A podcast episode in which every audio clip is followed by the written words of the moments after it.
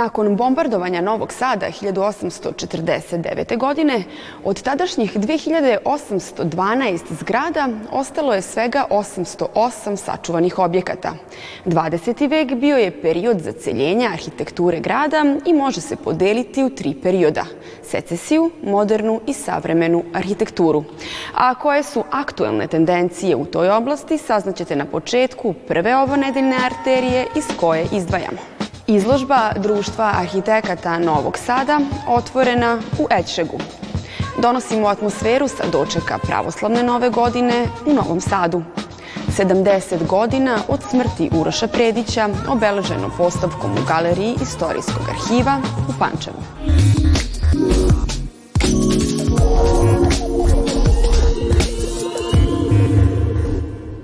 Savremene tendencije i pravce u arhitekturi predstavili su članovi Društva arhitekata Novog Sada na izložbi otvorenoj u kulturnoj stanici Ećšeg. Tim povodom gost arterije je Aleksandar Bede. Dobrodošli u našu emisiju. Hvala na pozivu. Posetioci će u okviru ove izložbe imati priliku da vide realizovane projekte, ali i one koji još uvek čekaju na izvođenje. O kojim projektima je reč? Reč je o svim mogućim projektima članova Društva arhitekata Novog Sada.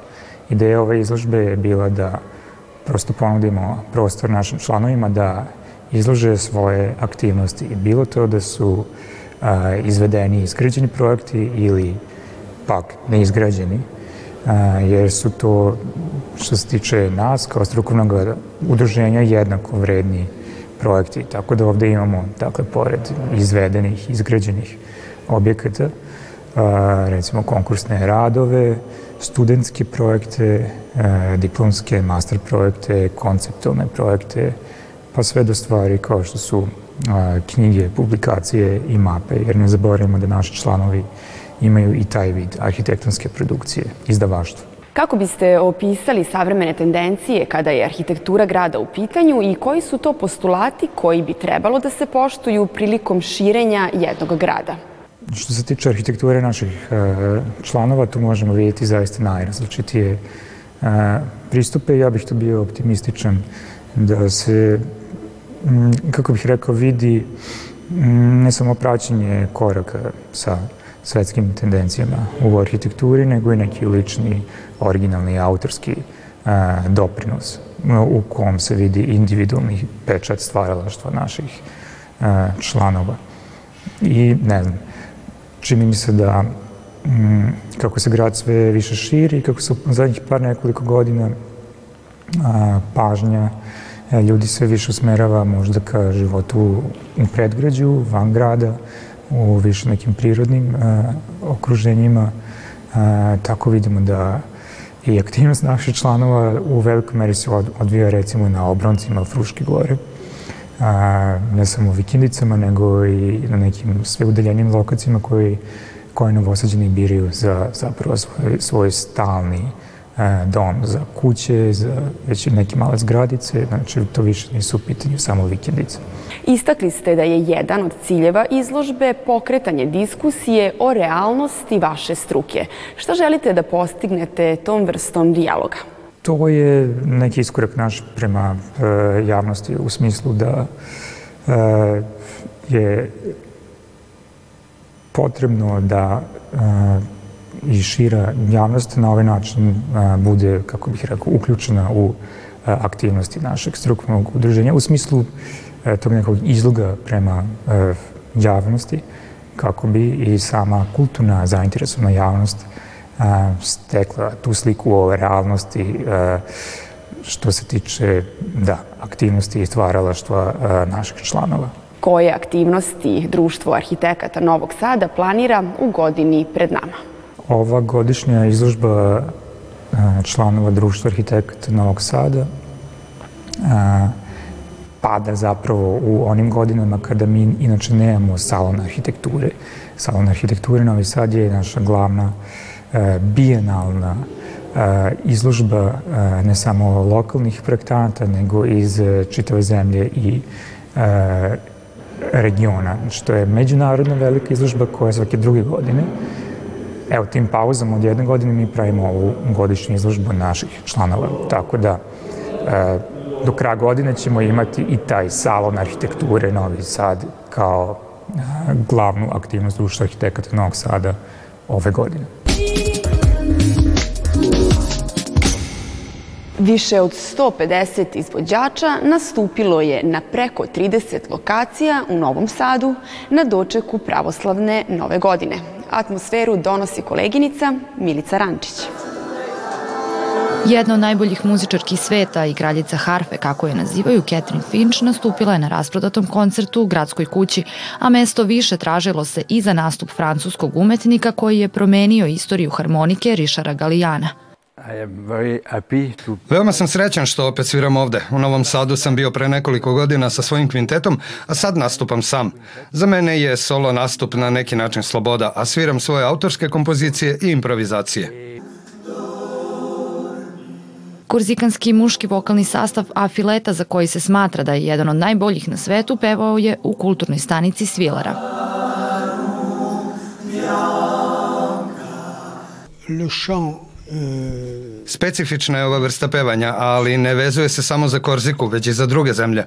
Reč je o troglasnom pevanju gde se glasovi dele na tenor, bas i tercu i u pitanju je polifonija koja nema specifičan ritam.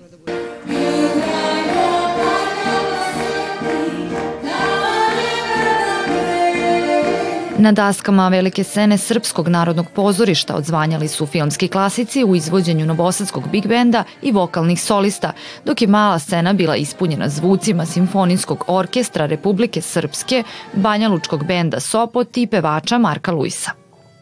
Glumac je uvek glumac na sceni pa čak i kad peva. Ali moram da priznam ja već dugi niz godina unazad nastupam sa novosadskim big bandom i uvek je jako posebno. I nekako te i publika te navede na to da eto i moraš nešto da kažeš. Meni je prosto neobično. Ja sam jednom trenutku prišla Fedor i rekla mogu ja nešto da kažem. Pošto se stvarno osjećam potpuno glupo, rekao sad samo pevam, a, a, a tekst? Tako da bilo je, bilo je lepo. Željko Vasić, Neverne bebe, Lena Kovačević, braća Teofilović i akademski hor Kolegiju muzikum, Neda Nikolić trio kao i portugalska fado pevačica Giselle Joao, britanski bahreinski sastav Flamingads, predstavnici alternativne scene, hip-hopa, svetskog i domaćeg elektro DJinga pokazali su muzičku snagu, lepotu i raznolikost žanrova te na pravi način obogatili proslavu pravoslavnog dočeka.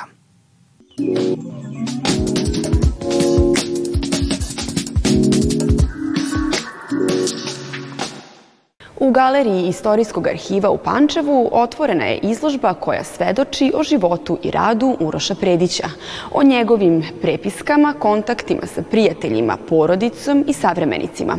Prikazana su dokumenta iz fondova i zbirki Istorijskog arhiva na osnovu kojih se može saznati više o životu velikog slikara. Izložba u Istorijskom arhivu Pančeva otvorena povodom obeležavanja 70-godišnjice od smrti Uroša Predića ne prikazuje deo njegovog bogatog slikarskog opusa, već govori o manje poznatim detaljima iz privatnog života velikog umetnika. Izloženu arhivsku građu čine dokumenti, fotografije, razglednice na osnovu kojih se može saznati više o njegovom životu, radu i odnosima sa članovima porodice, kolegama, prijateljima. Tu su i mnogobrojna pisma koje je istorijski arhiv godinama otkupljivao od kolekcionara, kao i crtež Čovek sa prekrštenim prstima, nastao 1908. godine. Pored 800 portreta, Predić je poznati po ikonostasima koje je oslikavao, a jedan od njih krasi Preobražensku crkvu u Pančevu.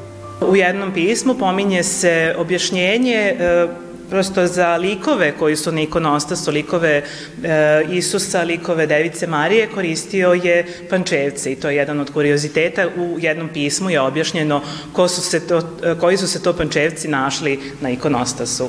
Imamo jako zanimljivu ovaj, e, kolekciju fotografija po kojima, e, to su fotografije koje su vlasništvo Istorijskog arhiva u Pančevu, a na osnovu tih fotografija je Uroš Predić izrađivao portrete negde od 1934. godine pa sve do kraja drugog svetskog rata.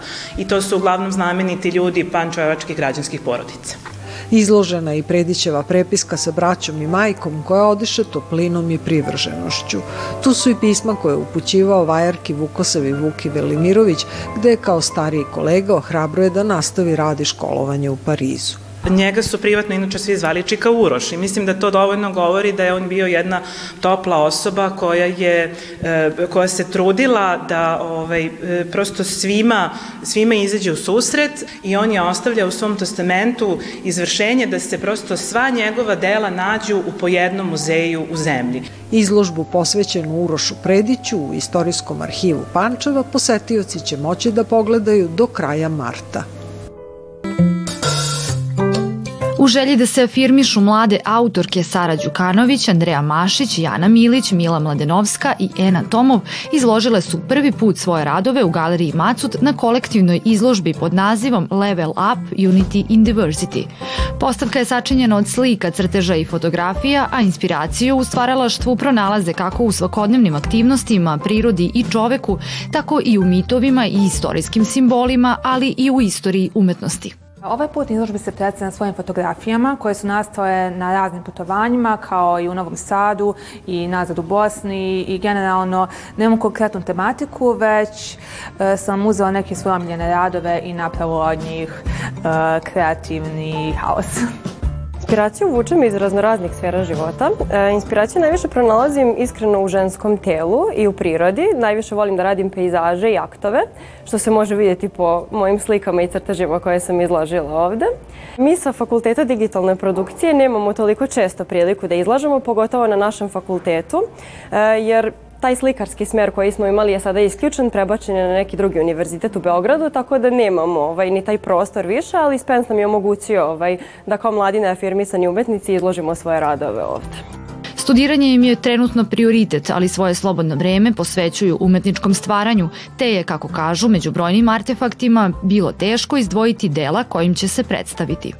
A što se likovnih tehnika tiče, uglavnom imamo akril na platnu, ulje na platnu, zatim imamo vodene boje, tačnije akvarel a, i ima i miks tehnika, rapidografi, zatim tuš, tako da ima baš dosta različitih tehnika. Volim poprilično mitologiju, kao što se vidi imam a, sirene, imam nekog vilanjaka i to su mi poprilično jedna i od omiljenih slika. Takođe volim kubizam, volim grafiku i dalje ja sad pokušavam da pronađem neku temu kojom bi se bavila isključivo. Umetnici danas teško pronalaze svoj put do vidljivosti na likovnoj sceni, a još teže je mladim neafirmisanim autorima koji tek treba da se dokažu. Jedan od redkih izložbenih prostora koji omogućava javno predstavljanje jeste Galerija Macut, a takva pomoć mladima je svakako neophodna i više nego dobrodošla. Nove priče iz sveta umetnosti i kulture donosimo već sutra. Zato budite sa nama u dobro poznatom terminu na prvom programu televizije Vojvodine. Prijatno!